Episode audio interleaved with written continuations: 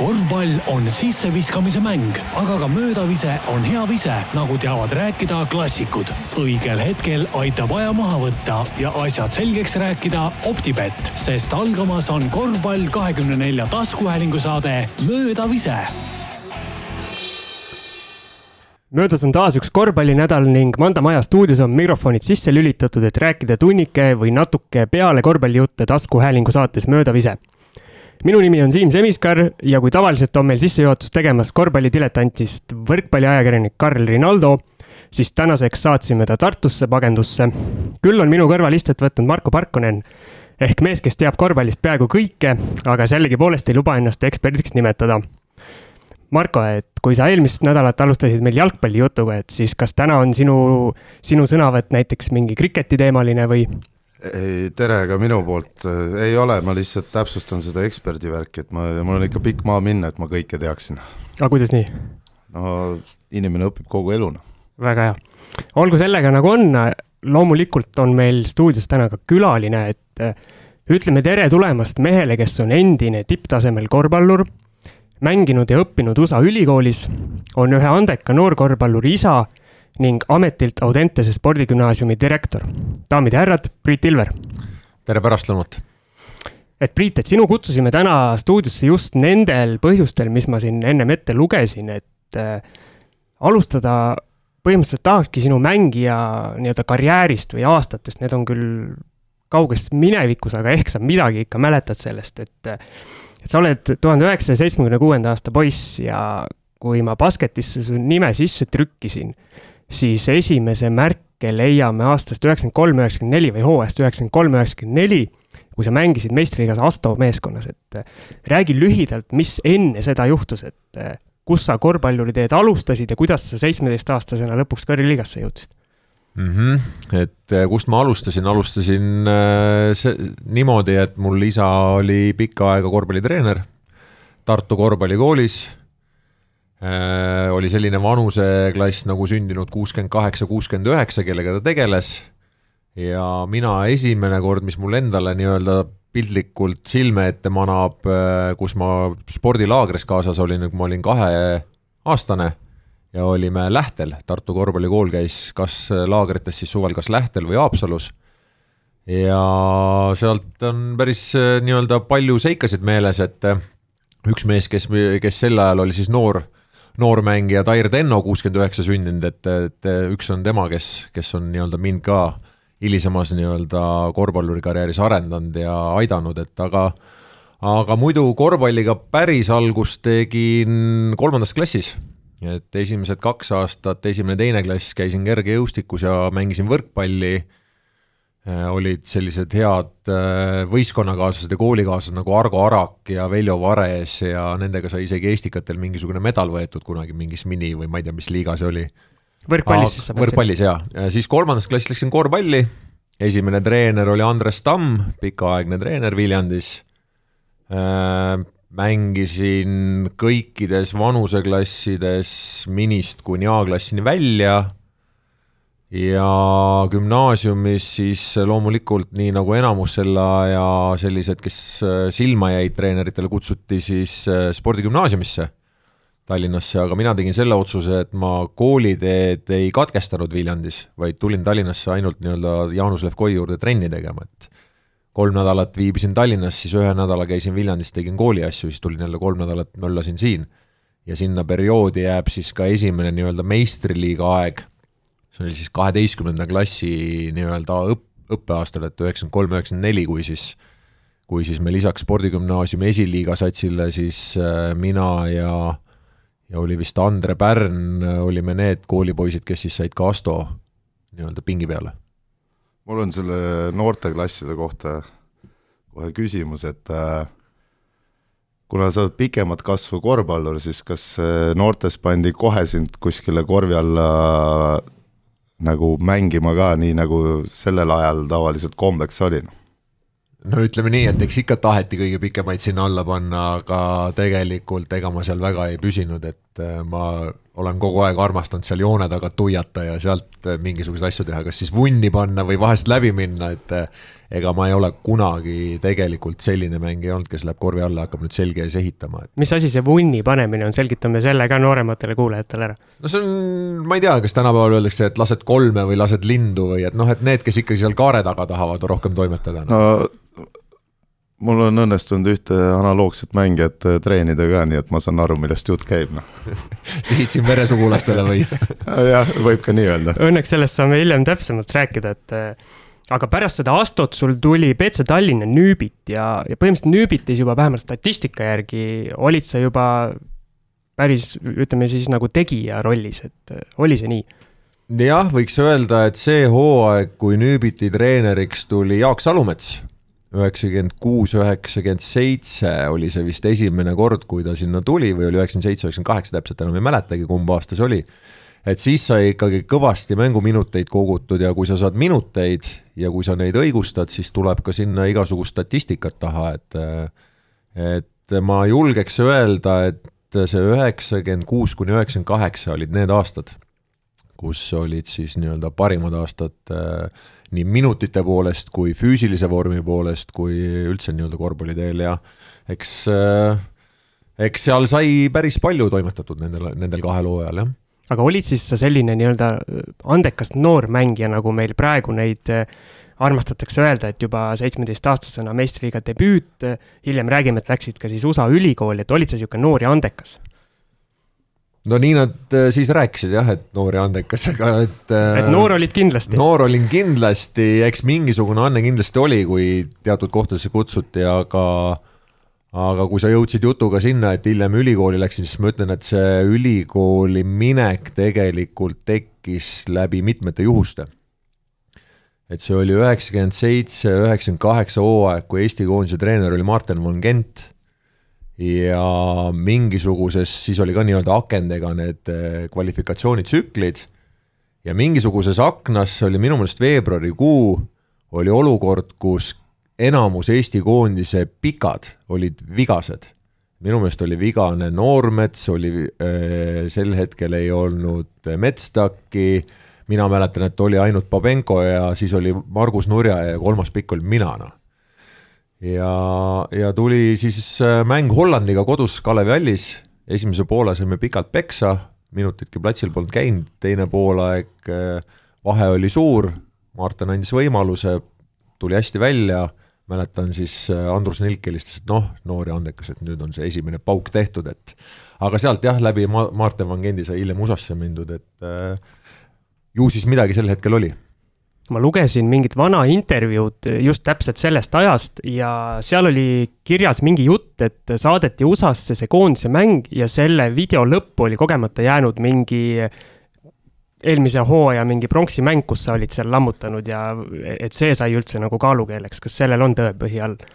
vastab tõele ja tegelikult selle kasseti peal oli üks huvitav mäng veel, tänu millele sai samasse ülikooli ka Tanel Tein, kuhu mina augustis läksin, et siis juhuste kokkulangemisel Tanel Tein sattus samasse kooli läbi selle minu tegelikult video mõned nädalad hiljem, et jah, oli, oli lõik sellest või poolaeg sellest Eesti-Hollandi mängust ja siis oli seal üks meistriliiga mäng veel, et. Äh, aga sellest Eesti-Hollandi mängust kumb poolaeg saadeti? teine poolaeg, siis kui platsil olin, et esimest polnud ju mõtet saata, noh.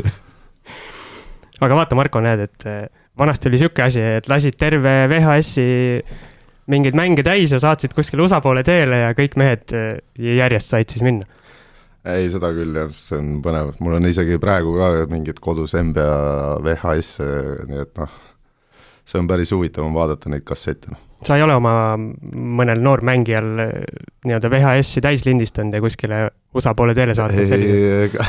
kahjuks ei ole jah, sest et äh, niikaua kui mina hakkan seal midagi lindistama, siis selleks ajaks on neil ammu juba mingid viietunnised klipid tehtud, nii et. no tänapäeval on niimoodi, et hops ja üleval, et ei ole vaja midagi, et siis pidid ikkagi äh, leidma kõigepealt selle kaameramehe, kes selle mängu sul üldse ülesse võttis, siis saama kokkuleppele, et äkki ta viitsib sulle sellest nii-öelda koopia teha ja siis pidid hakkama neid veel omakorda ümber lindistama, et see oli paras pikk ooper, et täna on lihtne, igal pool on klipid üleval, võta ise, lõika kokku ja tee oma highlights'e edaspidi, tagurpidi või mis igaspidi ja kohe pane mehi juurde ja pane mehi juurde ja lõika välja ja keera kaitset kõvemaks ja just.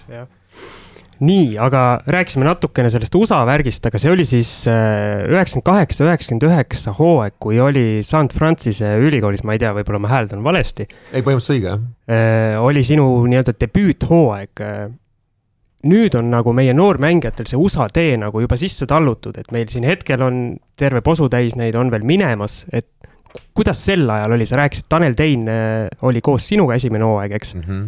Aga kuidas, oli meil veel seal mängijaid, oli see sihuke tavapärane tee või vaadati nagu sinu peale umbes niimoodi, et kuhu see mees nüüd läheb? Mm, mulle teadaolevalt enne mind ainus Eestiga seotud nii-öelda mängumees, kes enam-vähem meie vanune oli või natuke vanem, oli Jürgen Kaljuvee, kes tegelikult juba resideer-, resideerus ja elas USA-s ja lihtsalt mängis siis nii-öelda koolikossu. et siis läksin mina, Tanel, kui ma ei eksi, siis järgmised mehed vist olid Ärmpalud ja Maked ja siuksed mehed, kes juba, osad läksid juba keskkooli ja siis edasi ülikooli, et et eks ta selles mõttes oli nagu küllaltki uus nähtus, et tulid mingid mehed kuskilt riikidest, ma tean, leedukaid oli selleks ajaks juba piisavalt palju seal USA ülikoolides, aga eestlasi ma küll ei täheldanud jah, et ennem väga olnud oleks, et esimese hooaja me Taneliga seal seda teed tallasime. Aga kuidas sa julgesid üldse sellise otsuse teha, et kui sa olidki nii-öelda teerajaja koos Teiniga, et äh, mäletad sa ka, et mis see otsustusprotsess või kuidas sa seda mõtlesid, et oli see nagu normaalne, okei okay.? no eks ma arvan, et äh, esiteks tagantjärgi vaadates ma ütlen, et see oli liiga hilja minna USA-sse, kahekümne kahe aastaselt minna alles ülikooli too late. et oleks see variant olnud kaheksateist või üheksateist aastaselt nii-öelda kohe vahetult peale keskkooli, oleks see igal juhul nii-öelda teistpidi võib-olla tee andnud. Teistpidi sa olid selleks hetkeks piisavalt täiskasvanu ja iseseisev, et seal hakkama saada, et sul ei olnud mingit šokki, et noh, et ema pole, isa pole, sõpru pole, et et no ma arvan, et sellel ajal oli põhimõtteliselt iga noor oli piisavalt täiskasvanud, sest et no just. kogu elu õues Venemaale üksinda rongiga sõitnud, pidanud ümber istuma selleks, et kuhugi minna, et äh, laagritesse või koondistesse, et selle, ma arvan, et, äh, et ta oli suhteliselt okei okay ja, ja eks kindlasti minu puhul oli ka see lihtsam, et kohe liitus Tanel ja kahekesi olles ei olnud võib-olla seda suurt koduigatsust ka, et tagantjärgi mina olen rahul, noh, mis mu ootused olid sellel hetkel, ootused olid võib-olla see, et saada teist po-, teistmoodi nii-öelda kogemust, saada seda õpetust ja tõepõhja, mida USA-s on siis noortele antud ja sel hetkel arvasid küll, et noh, et nüüd NBA. no ei, ei, seda ma kindlasti ei arvanud, aga et arvasin seda vähemalt, et tuled tagasi ja oled nii-öelda kordades parem mees ja koondisele kasulik, aga aga noh, seal on omad agad. aga nüüd räägimegi nendest agadest, et äh, sa veetsid kaks hooaega seal. siiamaani internetis on ilusti sinust statistika kõik leitav, otsisin selle välja, et avahooajal mängisid ainult üheksa mängu, oli nii mm? -hmm. ja kogu hooaja peale viskasid kaksteist punkti. teine hooaeg. plussis. just üks koma teisel äh, hooajal kogunes mänge juba kakskümmend üheksa, minuteid keskmiselt üheksa koma kaks ja punkte keskmiselt kaks koma üheksa. et äh, väga palju sind vist väljakule ei lastud, peab tõdema. noh, esiteks on see, et mina läksin ülikooli nii-öelda siis kolmandasse aastasse ehk juuniori tasemele, et seal on, on ju freshman, sophomore, juunior ja senior et äh, oma vanuse ja eelneva Eestis käidud ülikooli kogutud ainepunktide pealt sain ma siis sinna nii-öelda kolmanda aasta üliõpilaseks. aga kolmanda aasta üliõpilasena pidin ma ennast tundma ikkagi nagu freshman, selles mõttes, et sa oled uues keskkonnas, sa pead kõik etapid läbi käima, mis nii-öelda võistkonda sulandumisel on ja kui sa ei ole megastaar, siis ega sa neid minuteid ei saa ka, on ju, et eh, teiseks, miks neid mänge nii vähe kujunes, oli see, et eh, kuna seal ikkagi treeningkoormused olid kordades suuremad, kuni, kui me seni olime harjunud, siis üsna pea hooaja alguses ma julgen öelda, et kui hooaeg algas novembri esimestel nädalatel, siis novembri teisel või kolmandal nädalal sain ma päris tõsise jalatrauma. sellest väljatulemine võttis aega ja nii kui ma välja tulin, siis ma mäletan, et järgmise mängu kolmandal minutil läks teine hüpekas, nii et ma põhimõtteliselt kolm kuud novembri lõpust kuni veebruari lõpuni esimene hooaeg ei mänginud ja siis äh, viimased mängud nii-öelda konverentsi siseselt veebruari lõpp ja siis tuleb juba March Madness peale, et äh, nii see esimene hooaeg sinna nahka läkski. no ma ei tea, ma arvan, et sellel ajal ei, vaevalt midagi teistmoodi oli väga palju, aga hetkel on näiteks ülikoolis see ka, et tegelikult mängitakse suht lühikese rotatsiooniga, kuna nende time-out'ide pikkused on äh, neli minutit ja kolm minutit, on ju, siis noh, mina kogu aeg imestan, et niisugune tempo käib, on ju, ja mängija mängis kolmkümmend seitse minutit, noh. ja siis, kui vaatad reaalset mängu, on ju, siis ta pigem nagu puhkab äh, sama palju, kui ta mängib. et äh, ja see on ka põhjus, miks seal võib-olla suure tõenäosusega raskem läbi lüüa, sest et kui sul on, treener arvestab seitsme mehega, on ju, ja sa oled kaheksas-üheksas kuskilt valge mees Euroopast, keegi isegi ei tea, kus kohas, kõik teavad Venemaa, on ju, et noh, siis on ikkagi keeruline läbi lüüa seal. ja sul, sul, ei, sul on päris paljus nagu õigus, et äh, küsimus oli see, mis ma nagu ennem ütlesin, et sa oled küll kolmanda nii-öelda astme õpilane seal, aga sa oled esimest hooaega mängitakse suhteliselt lühikese koosseisuga, seitse-kaheksa meest. üheksandale, kümnendale antakse kahel juhul võimalus, kas sa oled mängus piisavalt ees või piisavalt maas. Pluss, kui sa esimese minuti-kahega mingisuguse asja ära käkerdad, siis sa rohkem kindlasti platsile see mäng ei saa, sest siis saab see järgmine üheksas, kümnes või üheteistkümnes oma võimaluse, et et see on seal nagu väga hästi paigas, et kes on need mehed, kes aerutavad ja kes on need mehed, kes saavad oma võimaluse, et et mul oligi kaks varianti, kas ma mängisin keskmiselt mängus minut kakskümmend, minut kolmkümmend ehk kuna, kuni, kuni esimese käkard, käkerdamiseni või vale otsuseni või siis saidki oma seal kümme-kaksteist minutit ehk alguses õnnestusid, tegid kaks-kolm setti mängu jooksul, et äh, kaks täielikku äärmust, et sihukest keskmist stabiilsust polnudki. aga kuidas oli vaatepilt, kui sa läksid seal näiteks, oletame esimest korda trenni, võistkonnas on äh, noh, suure tõenäosusega üle poolte on mustanahalised, mängivad teiste kiiruste peal, füüsiliselt tugevamad ja nii edasi, et mis, mis tunne siis oli, nagu spetsiaalsed ajakirjanikud ikka küsivad, no mis tunne on? vastan, Marko, sinu ühe nii-öelda väljendiga, täielik kosmos et, et need kiirused, see intensiivsus ja kõige selle juures tegelikult, mis mind täna kõige rohkem nagu, mis mulle meeldib USA kossus, on see tehniline pagas ehk eelkõige põrgatuspagas, ma ei räägi viskest, ma ei räägi niivõrd söödust, aga see, kuivõrd suurte kiiruste juures, kuivõrd hästi nad oskavad palli valitseda, see on nagu müstika, et äh, seal oli niimoodi, et kui sa vähegi valmis ei olnud, siis sust mindi nagu postist. meil ei suuda lihtsalt toolist ka nii kiiresti põrgatusega noored mööda minna, kui seal mindi koos kaitsega sinust mööda, et eks see nii-öelda harjumine, adapteerumine võttis ka omaette aega. Aga sa räägid, et see füüsiline oli seal nagu kosmos sinu jaoks, aga mina mäletan, sina olid ka päris kerge jalaga mees, kes siin ikka Eesti liigas pani siin üle teiste meeste pealt, et kuidas no, kuidas sa ise nagu võrdled? Äh, üks asi on see, kui sa võtad hoogu ja lendad, teine asi on see, kui sa hoogu võtma ei pea ja lihtsalt koha pealt hüppad, et äh, ma arvan, koha pealt äh, hüppega ma ei suudaks kellegagi seal konkureerida, seal olid vennad kogu aeg nina ja hammastega rõngas, et hoo pealt jah, ma olin suhteliselt kerge jalaga. kerges kaalus kindlasti. kerges kaalus kindlasti on ju, võrreldes sellega, mis praegu on aga ütleme just see, et kuivõrd kiiresti tempo muutused ja suunamuutused nendel käisid ja või kuivõrd noh, me näeme tänases korvpallis seda samamoodi, valged vennad ei ole nii kiired suunamuutjad ja tempomuutjad, kui seda on mustad mehed, et eks sellega tuli harjuda. põhirõhk läks sellele, et ei lase vendadel endast üle pea hüpata, et leiad vähegi normaalse positsiooni selleks, et neid kuidagigi pidurdada seal korvi all. aga, aga kas äh kas sa mäletad, kas sealt tuli mõni kõvem mängumees ka, kes NBA-s lõpuks mängis? no ma võin öelda niimoodi, et äh, seal on, äh, USA-s on süsteem selline, et sa mängid oma kindlas konverentsis, mis on kindla tasemega, eks, aga ennem kui hooaeg algab, sa saad ka konverentsi väliseid mänge. ja kuna meie kool oli New Yorgis ja selle piirkonna kõige kõvem taseme poolest kool oli St John's, siis äh, ühe mängu me saime mängida St Johnsiga sel hetkel mängis selles võistkonnas selline mees nagu Ron Artest ehk World Meta Peace või mis iganes ta tänaseks on. oota, tal oli mingi hea nimi. mingi panda oli ka. panda oli ka jah, mingi.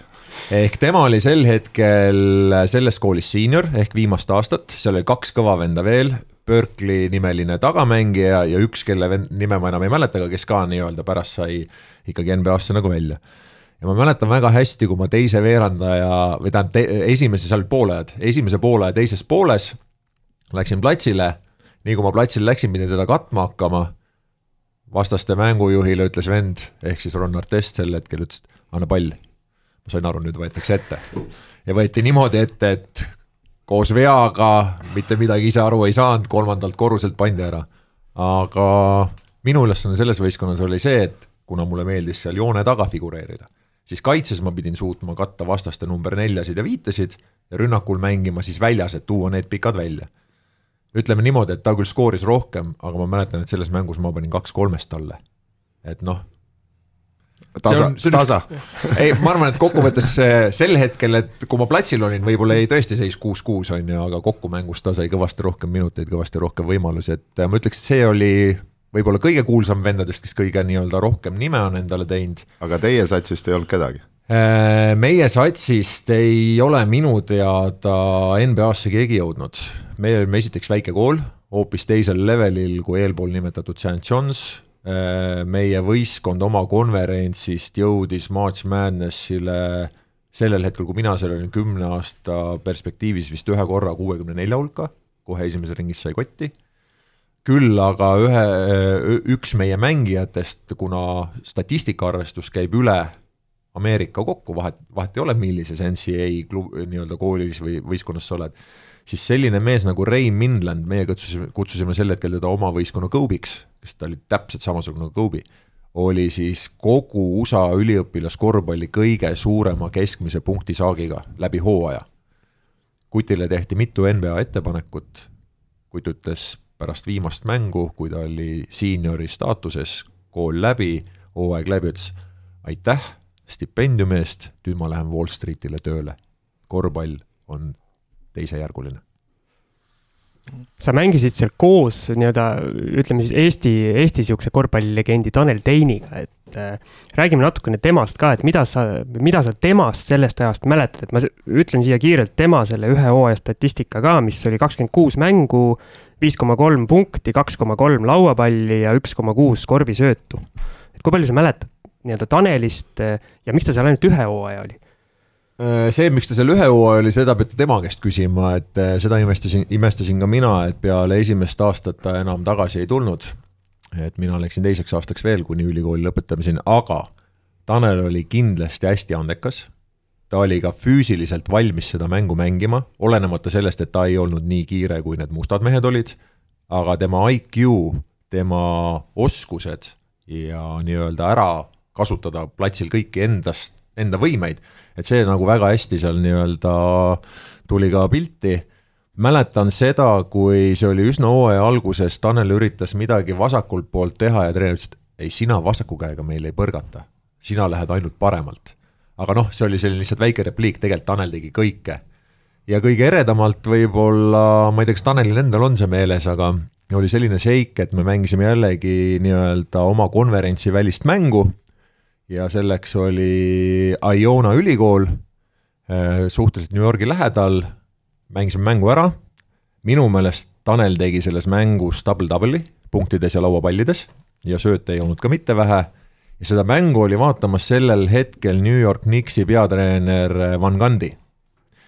meil sai mäng läbi, me läksime riietusruumi, treener rääkis meile siis mängu esimesed kokkuvõtted ära, on ju, arvatavasti saime peapesu, sest noh, mängisime jälle tugevama kooliga, saime peksa ja mingil hetkel, kui meil lubati siis pesema minna, siis üks abitreeneritest tuli Taneli juurde, me istusime garderoobis kõrvuti, tuli Taneli juurde, ütles, et kuule, tule korra kaasa. Noh, mina mõtlesin, et noh, mis siis on, et kas see on äkki mingi dopinguvärk või on, keegi tahab, keegi tuttav on või. Tanel oli umbes viisteist minti ära, tuli tagasi. Läksime ja olime pesemas ära käinud, hakkasime bussiga tagasi oma kooli juurde sõitma ja küsin Tanelist, kuule, kus käisid? ah, tead, et äh, abitreener viis mu ühe mehe juurde, kelle nimi oli Jeff Van Gundy, on ju, et äh, ma küsin, mis te rääkisite, siis ta ütles, et noh, et äh, küsis, et äh, ma olen esimest aastat ja kuidas mul siin meeldib ja et mitu aastat ma veel peaksin ülikoolis käima, ütles, et käi vähemalt üks aasta veel ja et siis ma kutsun su enda juurde nii-öelda suveliigasse, et vaatame, mis sust välja tuleb. aga Tanel võttis seda nihukese stoilise rahuga ja ma mäletan seda hetke, kui, kui siis teised võistkonnakaaslased küsisid minu käest et kuule, et kus see Tanel käis, et noh, et said sa teada, on ju, siis kui ma neile seletasin, siis osadel vendadel silmad läksid tagurpidi ja ahhetasid ja ohutasid, mis mõttes ja ta on nii rahulik, eks, et äh, aga noh, no Tanel ei tahta NBA-sse, sellepärast ühe aasta käiski, tahtis ma arvangi, et ta hirmutati euro, selle pakkumisega kohe ära. euro, euroliigat tahtis mängida. just. aga USA ülikoolis on üks asi, noh, kõik äh, legendaarsed komöödiafilmid, mis sa vaatad, on, äh, on kõik kuuluvad kuhugi nagu siis ühingusse või korpi või kuidas seda nimetatakse, et oli ka sul mingi näiteks oma, oma korp, kuhu sa kuulusid, maletajad, vehklejad? ei, selles suhtes meil oli, mina ütleks, täiesti mittestandardne USA kolledž isegi house party's ei olnud? isegi house party's ei olnud, isegi oma toorme ei olnud, ehk seda campus't ei olnud, kuna me olime New Yorgis, Brooklyn Heightsis ehk kohe nii-öelda jõest teisel pool Manhattanit, Brooklyn äh, Bridge'i ääres, siis meil tegelikult koolimaja oli, kossusaal oli, campus't ei olnud. ehk enamus õpilasi elas siis kas kuskil rendipindadel, ise vaatasid, kus nad toimetavad, mina samamoodi rentisin korterit, Tanel samamoodi rentis seal lähe, läheduses korterit, ehk sihukest nagu tüüpilist äh, house party sid ja nii-öelda neid gruppe ja kuuluvusi, et oled sa seal alfa või mis iganes, on ju, kus mingis majakeses, siukseid asju meie koolis kahjuks ei olnud ja meil oli hästi rahvusvaheline kool. Et isegi Kossu satsis meil oli kohalikke ainult neli, siis oli kaks eestlast, mina, Tanel, Venezuela, Puerto Rico, Tenerifelt, kaks Kamerunist, nii et noh, meil oli hästi-hästi rahvusvaheline seltskond on sul, Marko, veel USA kohta midagi, midagi küsida või? ei ole, ma ikka lootsin, et on mingi äh, mingi kõvem, kõvem. mingid peojutud ka rääkida. mingis ühi, kõvas ühingus olnud seal, et umbes. Ei jah, seda, see, see on see, millest me oleme ilma jäänud. aga tuleme siis äh, nüüd Eestisse tagasi, et äh, nagu sa ennem ütlesid, siis sinu tippajad vist jäid Eesti liigas sinna enne USA aega, et äh, hiljem mängisid veel Otroonikus, Tallinna Kalevis ja Piritas, et aga tundus, et sul vist nii-öelda selle ülikooli lõpetamisega ambitsioonid läksid natukene nagu korvpalli pealt äh, nagu mujale, on mul õigus? Jaa, sul on selles mõttes tagantjärgi võib ju kõigil öelda, et mis ambitsioonid olid või ei olnud, et äh, ega USA-s tegelikult said päris sirgelt ja selgelt aru, mis su võimed on ja kui palju on jäänud tööd tegemata selleks, et kuhugi kõvemale tasemele nii-öelda edasi üldse jõuaks. Ja üsna kiirelt USA-st tagasi tulles sai tehtud otsus, mängin Eestis nii kaua, kuni saan, nii kaua, kuni mõni võistkond on valmis nii-öelda võistkonna liikmeks mind võtma, annan endast nii palju, kui oskan, suudan. Ja tegelikult juba kaks tuhat kolm, kaks tuhat neli hakkasin vaikselt selle peale mõtlema, et korvpall ei ole igapäevatöö, vaid tuleks nii-öelda tavatööga hakata juurde otsima, sest noh, korvpalli sa ei mängi elu lõpuni. Ja, ja ei ole ka nii äh, nende aastate jooksul mänginud nii kõrgel tasemel, et võiks selle nii-öelda teenistuse pealt siis äh, jalad seinale visata, et ütleme jah, kaks tuhat kolm, kaks tuhat neli oli see hetk, kus äh, Tallinna Kalevis olles mõtlesin selle peale, et mängin kossu nii kaua, kuni veel kutsutakse, nii kaua, kuni see huvi pakub, aga hakkasin ka endale tööd otsima. no noh, ja meil käisid ennem siin läbi ka teised nimed, kes siis hakkasid sinna USA-sse minema, aga mina näiteks mäletan veits sellest äh, ajast, et äh,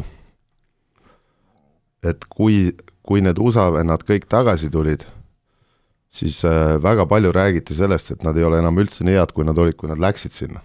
nõus. et noh, et me räägime näiteks tänapäeva korvpallis ka, et kui tuuakse, ütleme, USA ülikoolist ameeriklane endale võistkonda, siis räägitakse, tal läheb sisseelamiseks aega sama seis on näiteks, võtame kas või Nurger, kes lõpetas ära, räägiti, et ta läheb uuesti Euroopa korvpalli harjumiseks, võtab aega. nõus.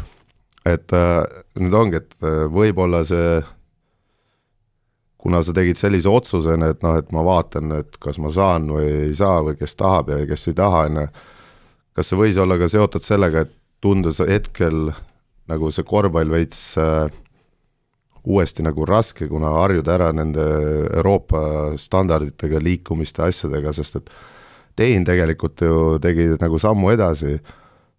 Äh,, Ärmpalu, Make minu meelest jäidki nagu kehvemaks, kui nad olid enne USA-sse minekut, sest nad olid väga perspektiivikad vennad. eks see sõltub igast ühest indiviidist endast, et raske teiste eest nagu rääkida, aga, aga selles on täiesti õigus, et USA korvpall ja Euroopa korvpall on kaks täiesti erinevat korvpalli. jah, mõlemas tuleb kaitsta vastaseid ja ise skoorida, aga see, kuidas mängud üles ehitatud on, no see on totaalselt erinev, et seda me näeme täna MM-idel ka, kuidas mõni võistkond on orienteeritud ainult üks-üks ettevõtmistele, teravustele ja kiirustele ja teised, ehk siis eurooplased mängivad võistkondlikult, targalt, taktikaliselt ja, ja nii palju, kui nende võimed siis lubavad nii-öelda füüsiliselt vastu seista, et äh, see võis olla sellest, ma ta tagantjärgi ei oskagi seda nii-öelda täpselt öelda, et kas see oli nagu raske, ma ei ütleks, et raske, esimene aasta võib-olla mina ütleks vastupidi, liiga lihtne oli. võib-olla tekkis ka mugavustsoon, et oli kõik liiga easy ja arvasid, et nii lihtne see saabki olema. ja niikaua, kui ühe aasta lasid, lasid easy'lt, oligi rong juba läinud just nii aga ma arvan, see, see on nüüd õige hetk, kus nii-öelda Priidu mängija karjäärile joon alla tõmmata meie saates. Ja. jumal tänatud, et veteranide liigast ei räägita ja minna siis edasi. aeg on välja selgitada nädala tegija salvestame seda saadet kolmapäeval ja esmaspäeval pani Kalev Cramo meil eh, siinsamas Kalevi spordihallis sellise paugu, et mängis kodusaalis üle Euroliiga klubi Peterburi seniidi et kuna meie nädala tegija arvestus Facebooki grupis, korvpalligrupp käib esmaspäevast pühapäevani, siis Graamot loomulikult selles valikus meil ei ole, aga ma teen saatejuhina siin äh, veidi uued reeglid ja räägime siis äh, need Graamo jutud hoopis siin ära. aga ajaloo huvides ma märgin ära, et Facebookis valiti meil nädala tegijaks Henri Trell, kes Pesaro üheksakümmend üheksa, sada kaheksa kaotusmängus äh, Brindisi vastu kogus kuusteist punkti ja neli lauapalli et Trelli poolt hääletas meil sada kaks inimest, teisele kohale tulnud Kaunase Žalgirise duubelmeeskonna vedajaks kerkinud Gerg Riisa kogus kakskümmend kaks poolthäält.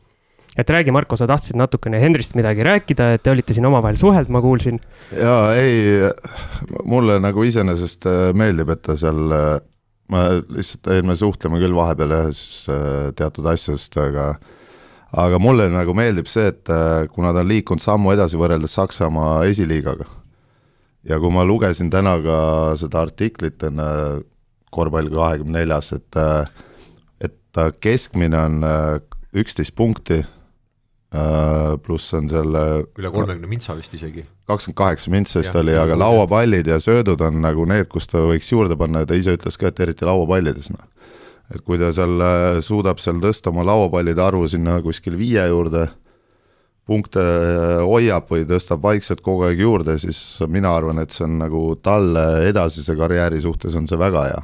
sest et äh, ma mingi hetk vaatasin, vist oligi äkki eelmine mäng, et äh, nagu line-up, see ehk siis võis-, enne mängu siis nagu, kes seal mängivad või mis iganes, siis oli niimoodi, et äh, vist vastaste esiviisik olid kõik ameeriklased. Või oli seal teine mingi Itaalia sats, ühesõnaga seal on nii palju ameeriklasi, et äh, et nagu see on ideaalne näide, kuidas äh, mängija, kes, no tal on omadus selle, ta on nahaalne. ja ta tahab punkte teha ja nii edasi, nii edasi, et äh, ja ta üritab teha, on ju, okei okay,, Eestis muidugi kohe nähakse kõiki miinuseid ka, on ju, noh, kõik teavad neid miinuseid ja ma arvan, et ta on ise ka nii arukas, et ta teab, on ju, et mulle lihtsalt meeldib, et ta on saanud neid skoore teha, mänguaega, mis on tema puhul kõige tähtsam, ja artiklis tuli veel hea asi välja, mis mulle eriti meeldib, et ta saab trennis kõige rohkem puid. et see on nagu väga hea, nii et ma soovin talle palju õnne selle puhul, et ta on nädala tegija et ma saan aru, et see puude alla panemine, see on nii-öelda sinu spetsialiteet ka, et äh, siis tal ei ole see midagi uut, et kunagi Eestis, Eestis sinu käe all sai kõvasti puid. jaa, ta isegi äh, kusagil mainis seda, et äh, et ta on minu juures harjunud, aga see Saksamaal eelmine aasta või üle-eelmine aasta Horvaatia treener pidi olema isegi veel hullem, nii et noh, kuna tal on kool päris hea, aga ma ei usu, et ta saab ilma asjata, ta ei saanud ka minu käest ilma asjata, nii et ta kogu aeg saab mingisuguste põhjustega ja kuna tema potentsiaal on selline, et ta peaks jõudma kuhugi, siis neid vendasid on vaja kogu aeg pressida. sest nad äh, iga hetk oma talendi pealt nad üritavad nagu natukene viilida. Absoluutselt nõus, et äh, tahtsingi selle vahe, vahelepõike teha, et nendelt, kellelt on võimalik nõuda, ehk sa näed, et nende võimed küünivad, nendelt nõutaksegi rohkem, nendele pannaksegi puid alla, et äh, et tuleb endal üheksakümmend seitse, üheksakümmend kaheksa hooajast meelde, kui Salumets oli meil treener, eks, kes oli siis Eesti koondise nii-öelda päris kõrgele viinud ja siis kogu aeg mõtlesin, miks ta kogu aeg higiseb, miks ta kogu aeg rahulolematu oled, kui sa oled põhiviisiku mendel, miks ta nendega, nendega ei higise, kes seal lõpus on, pingi peal istuvad, siis tegelikult tagantjärgi saades aru, nõutakse nendelt, kellelt nõuda on võimalik. aga kui sa ütlesid, et sul USA-s esimene hooaeg oli liiga easy, et kas seal oligi see? ei, USA-s ei olnud easy. tagasi tulles. tagasi tulles oli easy. oleme täpselt, pöörame tähelepanu ka, mis ja, räägitakse. see saate juhtimine on nii keeruline, et ma võin siin lappesse minna vahepeal. nii, aga lähme siis nüüd Kalev Cramo juurde, et äh, Priit, kas sina nägid mängu? olin saalis esimese poole. miks teist poole ei, ei olnud? Kohustused vete- või selles meeste amatöörliigas. aga räägi siis esimesest poolajast, et äh, ilus mäng äh,, põhimõtteliselt kõik nelikümmend minutit Cramo poolt, et äh, jäädi taha, isegi vahepeal tuldi uuesti august välja, et äh, kas see ongi nagu Cramo puhul nüüd uus normaalsus, et nii-öelda Euroliiga klubidele tõmmatakse kodus kott pähe? no kas see uus normaalsus on, aga tegelikult on ülimalt kihvt vaadata, kuidas see kamp hoiab kokku minu jaoks kõige suurem erinevus võrreldes eelmise aastaga oli see, et siis olid tähed, kelles tundub, et hoolisid ainult oma edust. ja siis oli kamp eestlasi, kes hoolisid tiimi edust. okei okay,, need tähed olid mõnes mängus piisavalt head, piisavalt tegid skoori ja selle tulemusel tulid võidud.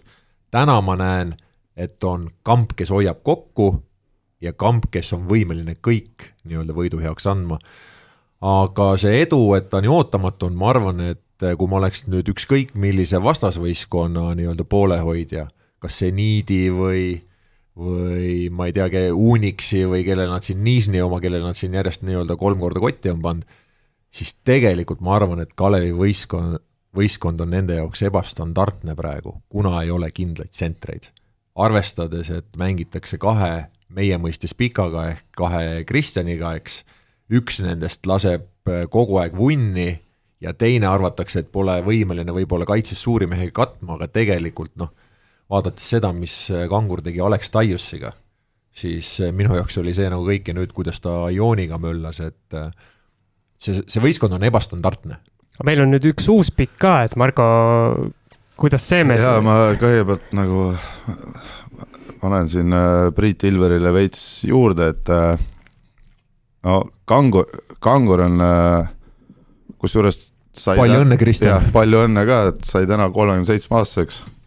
et äh, kui vaadates ta mängu, ta on lihtsalt, äh, ta võtab kõik kehaga vastu, noh, ükskõik mis härjad seal on, on ju, sest nendega on see kehakontakt seal korvi all, ega see ei ole mugav, isegi kui sa oled kümme senti pikem sealt ära panna, sest et see, sealt tuleb päris korralik nagu sein ette, noh. näiteks äh, Kail Heinz CSKA-s peab ju samamoodi hakkama ja, saama. et äh, kui sa võtad äh, kitsingu, siis kitsing näiteks ei otsi, kuna kitsing tavaliselt teebki neid vigu ja sellepärast, et ta on kuskil kätega, noh. et äh, kangur tõstab käed üles ja siis ta rammib kogu, ta oskab oma ülakeha ja puusasid ja, ja kõik ära kasutada. ta paneb kõik oma jõu sinna kehasse, et tegelikult tal ei ole see pauk nagu nii suur ka, sest et ta on mentaalselt valmis selleks, et nüüd tuleb, noh.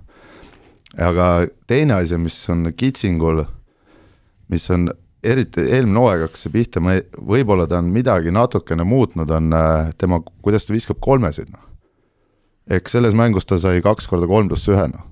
ta hüppab äh, iga viske ajal äh, natukene ettepoole, noh, ja vastased, kes liiguvad vastu, kuna nad teavad, et viskavad, maanduvad tänu sellele talle kogu aeg kehasse või ta natuke näitleb juurde, on ju, seekord oli kah-, kahes kaks. kohe alguses et kaks korda äh, veaga, jah.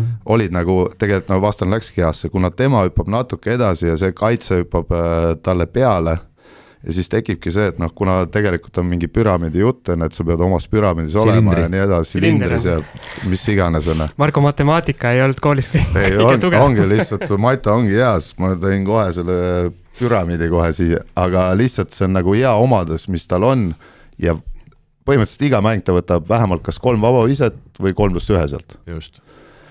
ja nüüd, kui me jõuame siis lõpuks selle uue mehe juurde, et no ma saan aru, et ta on inglane ikka, noh ta peaks äh, jah, nii-öelda Briti, Briti alam olema jah, aga ja. kust tal need juured pärit on? ei, okei okay,, aga ta on inglane, sest et kuna mina vaatasin seda mängu telekast enne, siis äh, siis, äh, siis seal kogu aeg mainiti ameeriklane, et ma ei tea, et see, et ta on mustanahaline, ei tähenda, et ta kohe ameeriklane on, aga no hoia mütsi kinni, mis vend see on uh,. mul kõik muu on savi, on ju, ta võib olla vormist väljas ja mis iganes räägitakse, et sääremari, noh, kuna ma nii palju nende noortega tegelenud erinevas vanuses, on ju, siis noh, need on ka niisugused, et vaatavad, et kui raskeks läheb, siis hakkab kohe näpp valutama, varvas valutama, lonkama, puus on paigast, on ju, ja nii edasi, järgmine hetk pannakse saltoga kuskile basseini, on ju. aga ainuke asi, mis nagu mind häiris, oli kuidas kaks üksteist vend katet paneb.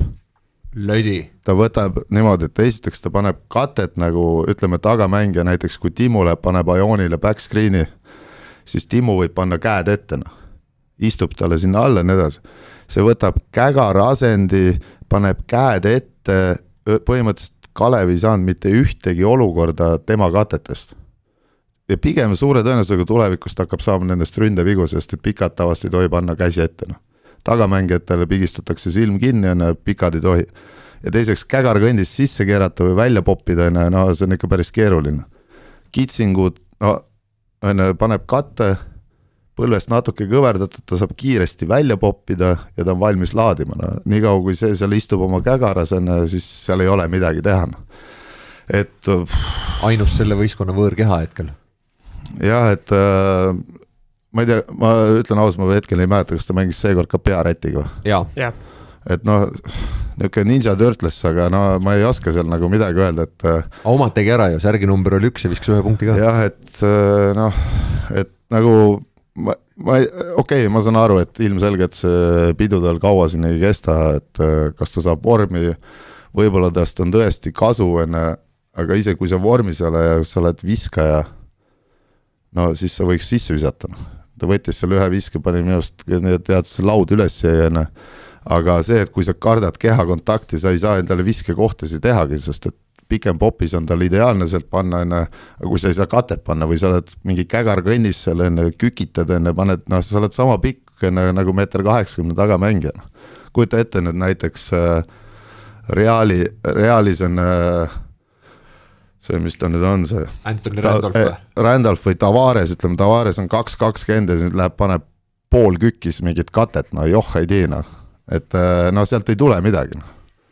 et loodame, et ma kuskil käis läbi ka, et äkki Graamo saab juba nüüd endale uue mehe juurde ja siis vaatame noh minu meelest on küll Marko korvpalliekspert, kui ta nagu selliseid as-, häid asju välja toob. no ma tegelikult ju täna trennis juba panin eh, veits, tõin näite ka, sest et äh, mul on mingid asjad, milles ma norin, on igast parasiitliigutust, mulle näiteks ei meeldi eriti, kui mängijad hoiavad palli ühes käes rünnakul. ja siis ma tõin sellesama Richardsi näitena, sai palli, hoidis enne, ootas seal mingit hand-off'i enne, hoidis ühes käes, oli niisugune kõva vend enne, ja siis löödi kuradi järsku pall ära ja palli kaotas. et no miks sa ei või seda kahes käes hoida, noh ja kui sind surutakse, siis saad ju mööda minna. ühes käes on nagu tunduvalt lahedam seda hoida, vaata visuaalselt. Äh, ühe käega teed, hoiad reklaamfilm ühe käega hoiad palli, teisega hoiad oma peasidet ja ongi kõik, no et äh, ei ol-, ei olnud nagu midagi erilist, nii et noh, ega Tartu mäng oli sama, aga seal tal seal polnud kehasid vastas? no ega ta seal ka eriti, ta vaatas ka, et Sääremari on nagu, ei ole just heas seisus. aga iseenesest Kalev mängis nagu väga hästi, ma natukene seniidist äh, ma ei tea, miks nad nagu nii palju aitasid äh, sealt kõrvalt ühe söödu pealt niimoodi, et Timmu laadis neile seal kogu aeg, enne ühe korra veel pääsesid ka, kuna tehti enne viga, enne Timmu pani kohe kolmese kotti, enne nad nagu kas tõesti siis neil ei olnud selle pike rolli vastu mitte mingisugust rohtu või mis iganes, aga aga Cramo ikka oli, oli ikka väga hea, noh. aga selle analüüsiga on hea korraks väike paus teha ja oleme kohe tagasi küsimusmängu toetaja on teamshield.com oma disainiga spordi ja vaba aja riided. ja järgmiseks on meil kavas siis Team Shieldi küsimusmäng. eelmises saates oli meil külas Indrek Reinbok ja olgem ausad, Marko, et äh, ilmselt küsisime liiga lihtsa küsimuse, kuna ilmselgelt tuli rekordiline arv õigeid vastuseid ma ei tea, Indrek ise mõtles seda siin nii kaua, ma ei tea. no vot, Indrekul on võib-olla ka siis ta lihtsalt nii kuulus, et äh, tal ongi kõik küsimused tema kohta on kerged. minu teada on Indrek äh, täpselt sama aastakäigu mees, äh, kes meil hetkel stuudios, et, et Priit, kas sina tead, kus tegi Indrek Reinbok oma kõrgliiga debüüdi Eestis? tean küll, Jüri Basket ja minu meelest ennem seda Jüri Basketisse minekut oli tal üsna pikk paus üldse korvpallist, et et kuna me oleme ühe aastakäigu vennad, siis oleme kokku puutunud juba pisikesest peast eale ja, või pisikesest east peale, tähed lähevad sassi vahest.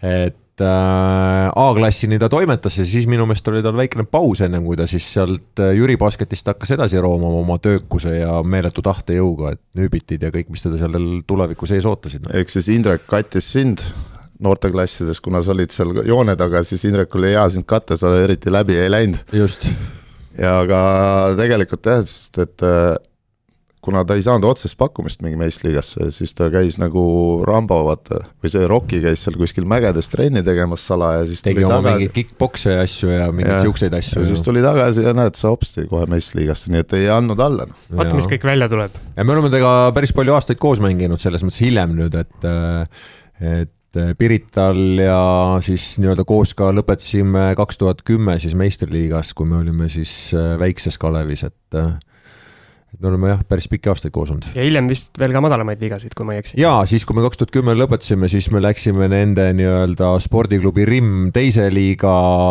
võistkonda, et seal neli või viis aastat tuuseldasime üle Eesti kõiki, olenemata, kas mängisime kuuekesi või kümnekesi. ja, ja, ja kunagi ei tahtnud esiliigasse tõusta. ei tahtnud, sellepärast esiliigas peab hakkama trenni tegema, aga see ei olnud meie nii-öelda prioriteet, noh, et nüüd mängime malli koos, et nii vähe või palju, kui Rainbow meid hooaja jooksul aidata saab, et siis ikka, ikka saame kokku. aga õigeid vastuseid tuli kakskümmend kaks ja. rekord jah. rekord, täielik rekord jah, et ma palungi, ütle Priit üks, äh, üks number ühest kahekümne kaheni. no ma ütlen Indreku särgi numbri neli. neli ja meie õnnelik võitja on Aleksandra Metkova. palju õnne talle, et äh, Teamsild.com paneb välja siis erilahendusega tehtud eksklusiivse korvpalli kakskümmend neli särgi. palju õnne. palju õnne ja nüüd küsimus meil siis Priit Ilveri kohta. mõtlesime siin äh, enne saadet pikalt, meil oli kaks varianti laual, valisime neist äh, sellise küsimuse. lihtsama. lihtsama küsimuse. millise meistriliiga klubi kapten on Priit Ilver olnud ja mis hooajast käib jutt? et Priit, kui ma nüüd ei eksi, sa ütlesid, et sa oled äh, kõrgliiga tasemel üks hooaeg olnudki täpselt meeskonna kapten. just nii et seda me siis küsimegi, et mis meistriliiga klubi see oli ja mis hooaeg?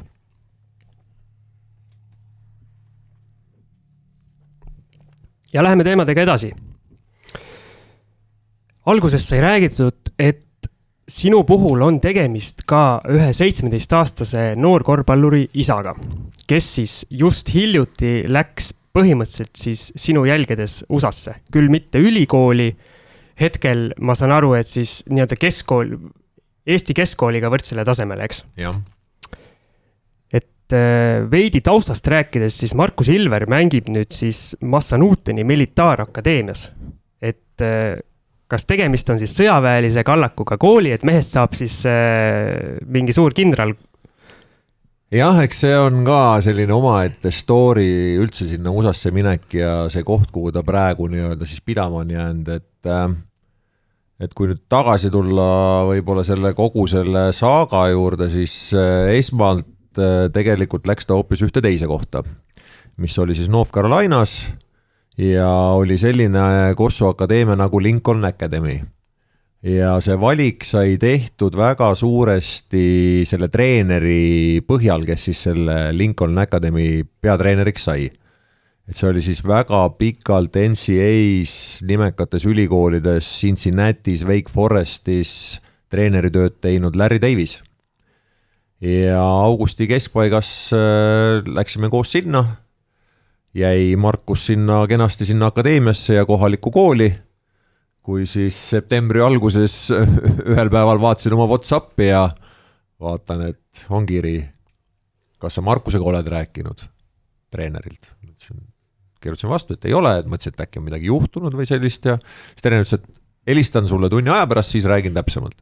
ühesõnaga siis see akadeemia, mis selle eh, nii-öelda kooli juurde oli loodud, eh, läks, kuna see oli rahastatud siis ühe indiviidi poolt, läks eh, eesti keeles öeldes haamri alla, et et kraanid keerati päevapealt kinni sellel omanikul seoses tema äride ja mingite USA maksudega, mis siis olid arvatavasti kas valesti või üldse tasumata. Abramovitš.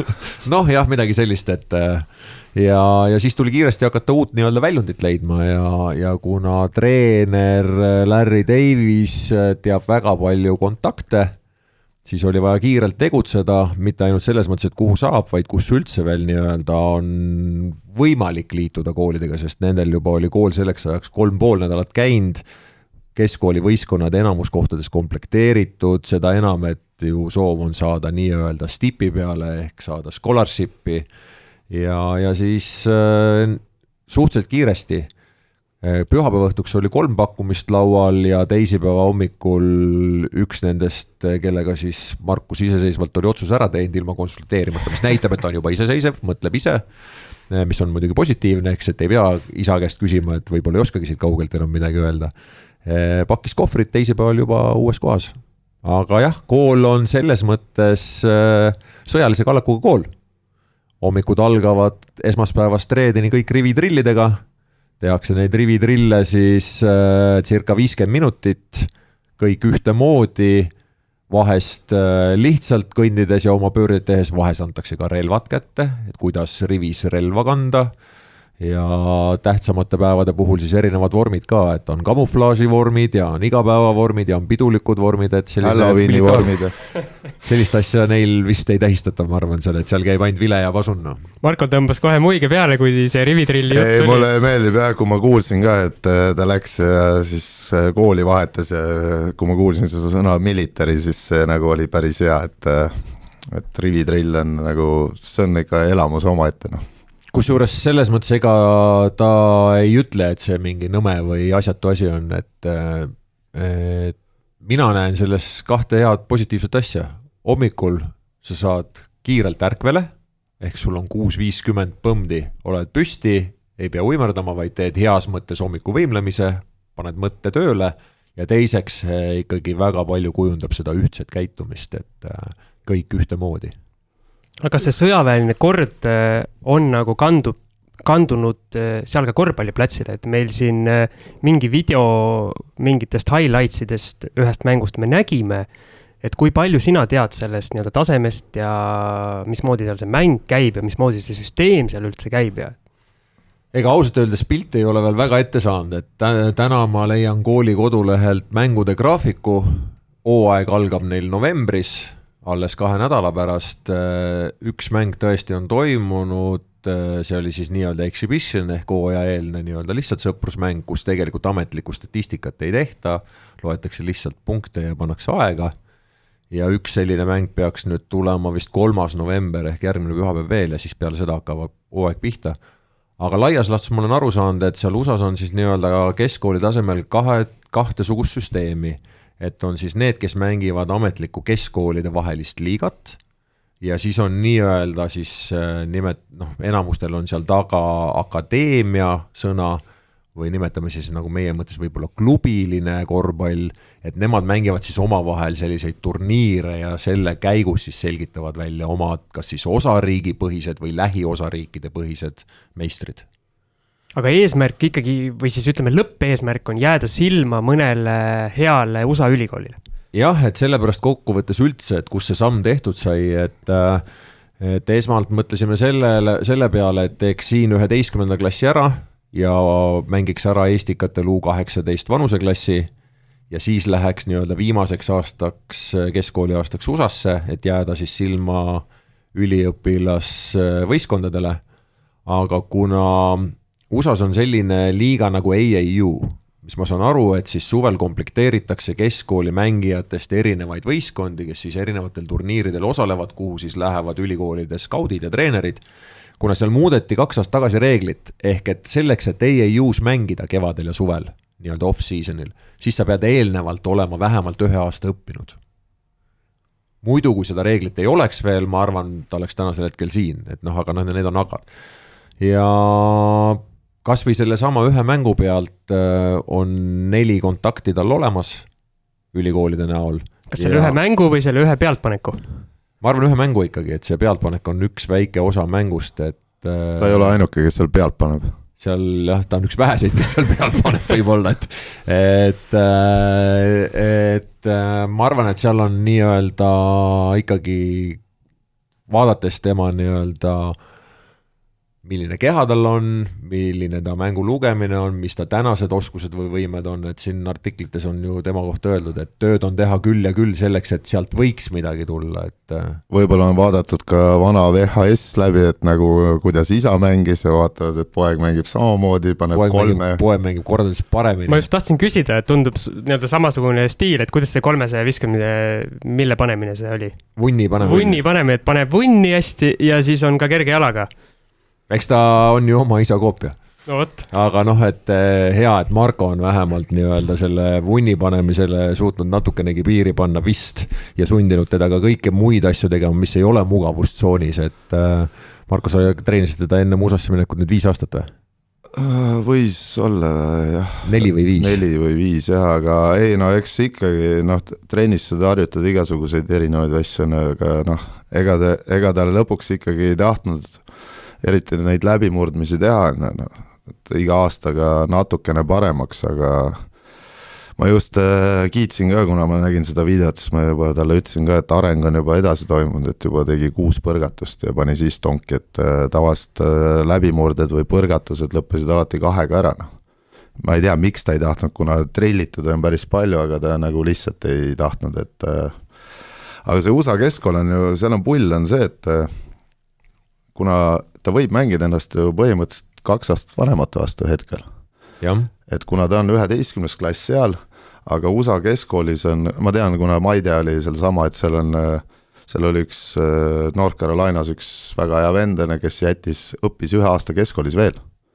et saada paremaid pakkumisi ülikoolidelt, ehk põhimõtteliselt ta võib siis mängida nagu äh, kui ta on ise, ütleme, seitseteist või üheteistkümnes klass, siis kaks aastat vanemate vastu. üheksateistaastastega, jah. jah, et äh, seal ei ole nii, et kui sa oled üheksateistkümne, siis sa mängid omavanuseid ja nii edasi, nii edasi, et äh, kindlasti lõppkokkuvõttes see ma arvan, et talle on see kasulik igal, igal juhul, et vahet ei ole, kas seal siis lõpuks on häid korvpallureid või ei ole, aga see füüsise kiirused ja need on need, mis peavad arendama teda, noh.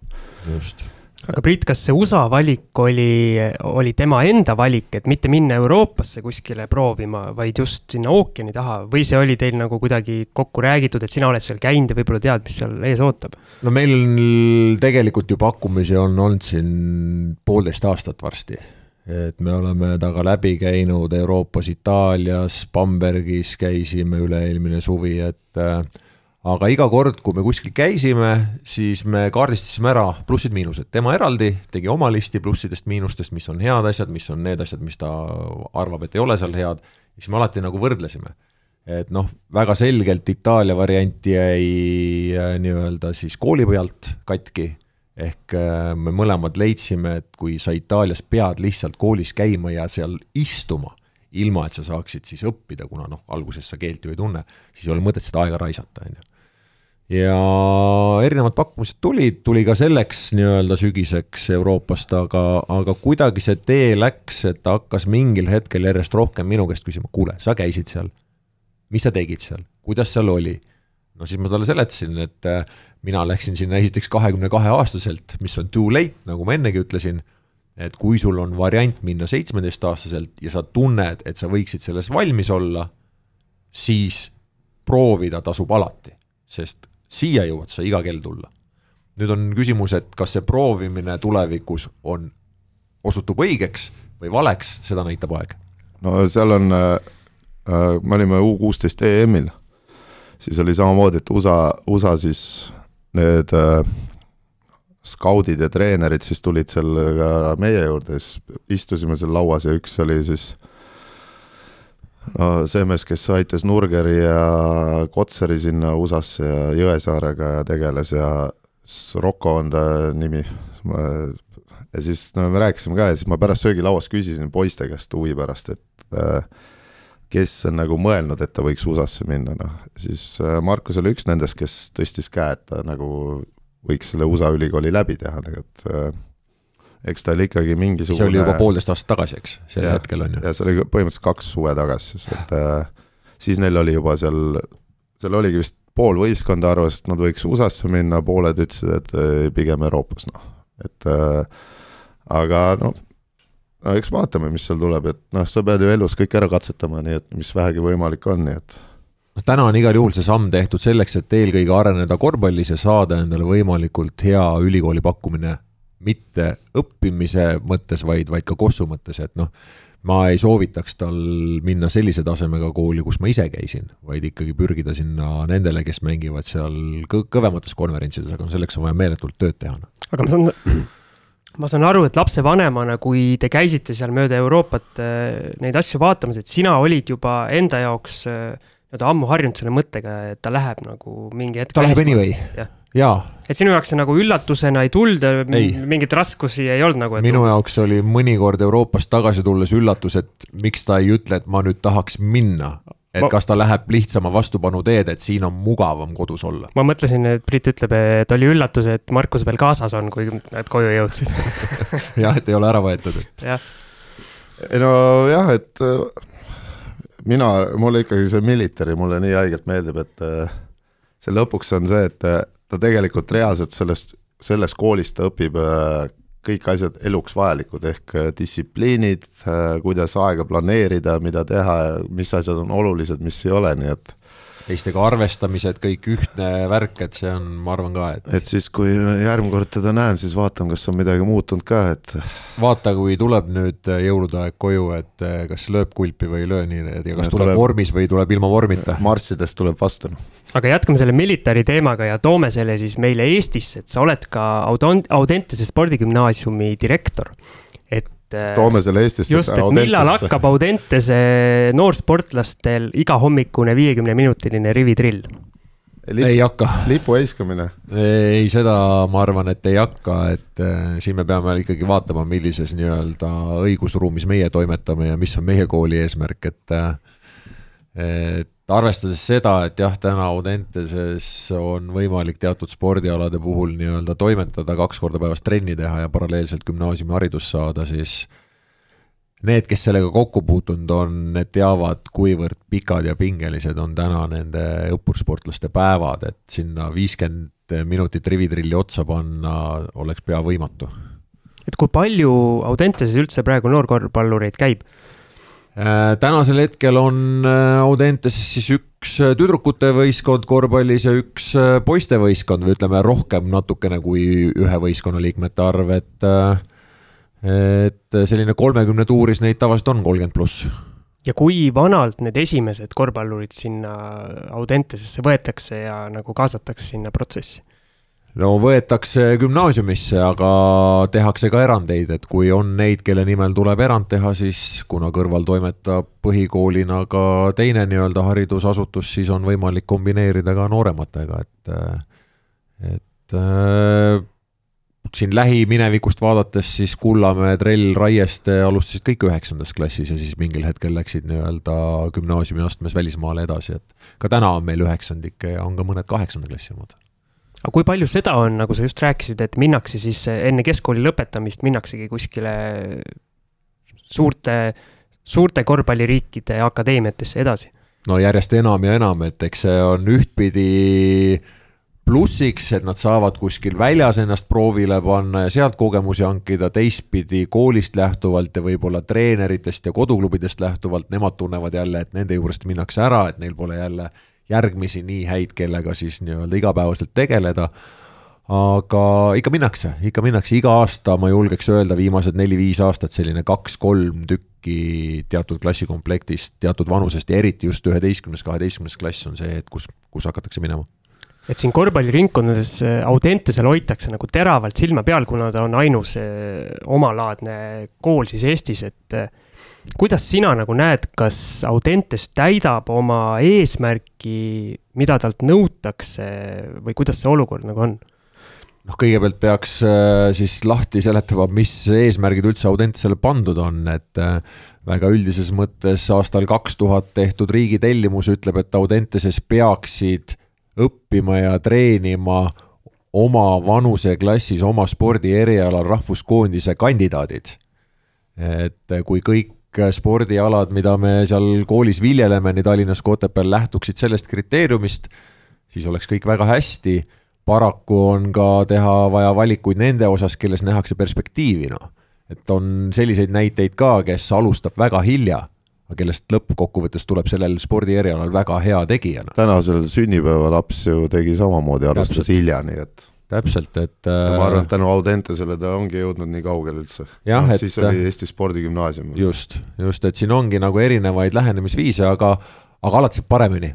ja koolijuhina ma saan seda öelda, et väga palju sõltub sellest, kuidas üks või teine spordialaliit tähtsustab Audentest et korvpalliliit on selle võtnud üsna nii-öelda valgusesse, et seal oleksid head võimalused, treenerid, tingimused, füsiod, et sinna tuleksid need, keda me tõesti tahame, aga see sõltub spordialaliidust, kuida-, kuidas ta nii-öelda Audentest enda ühe osana näeb.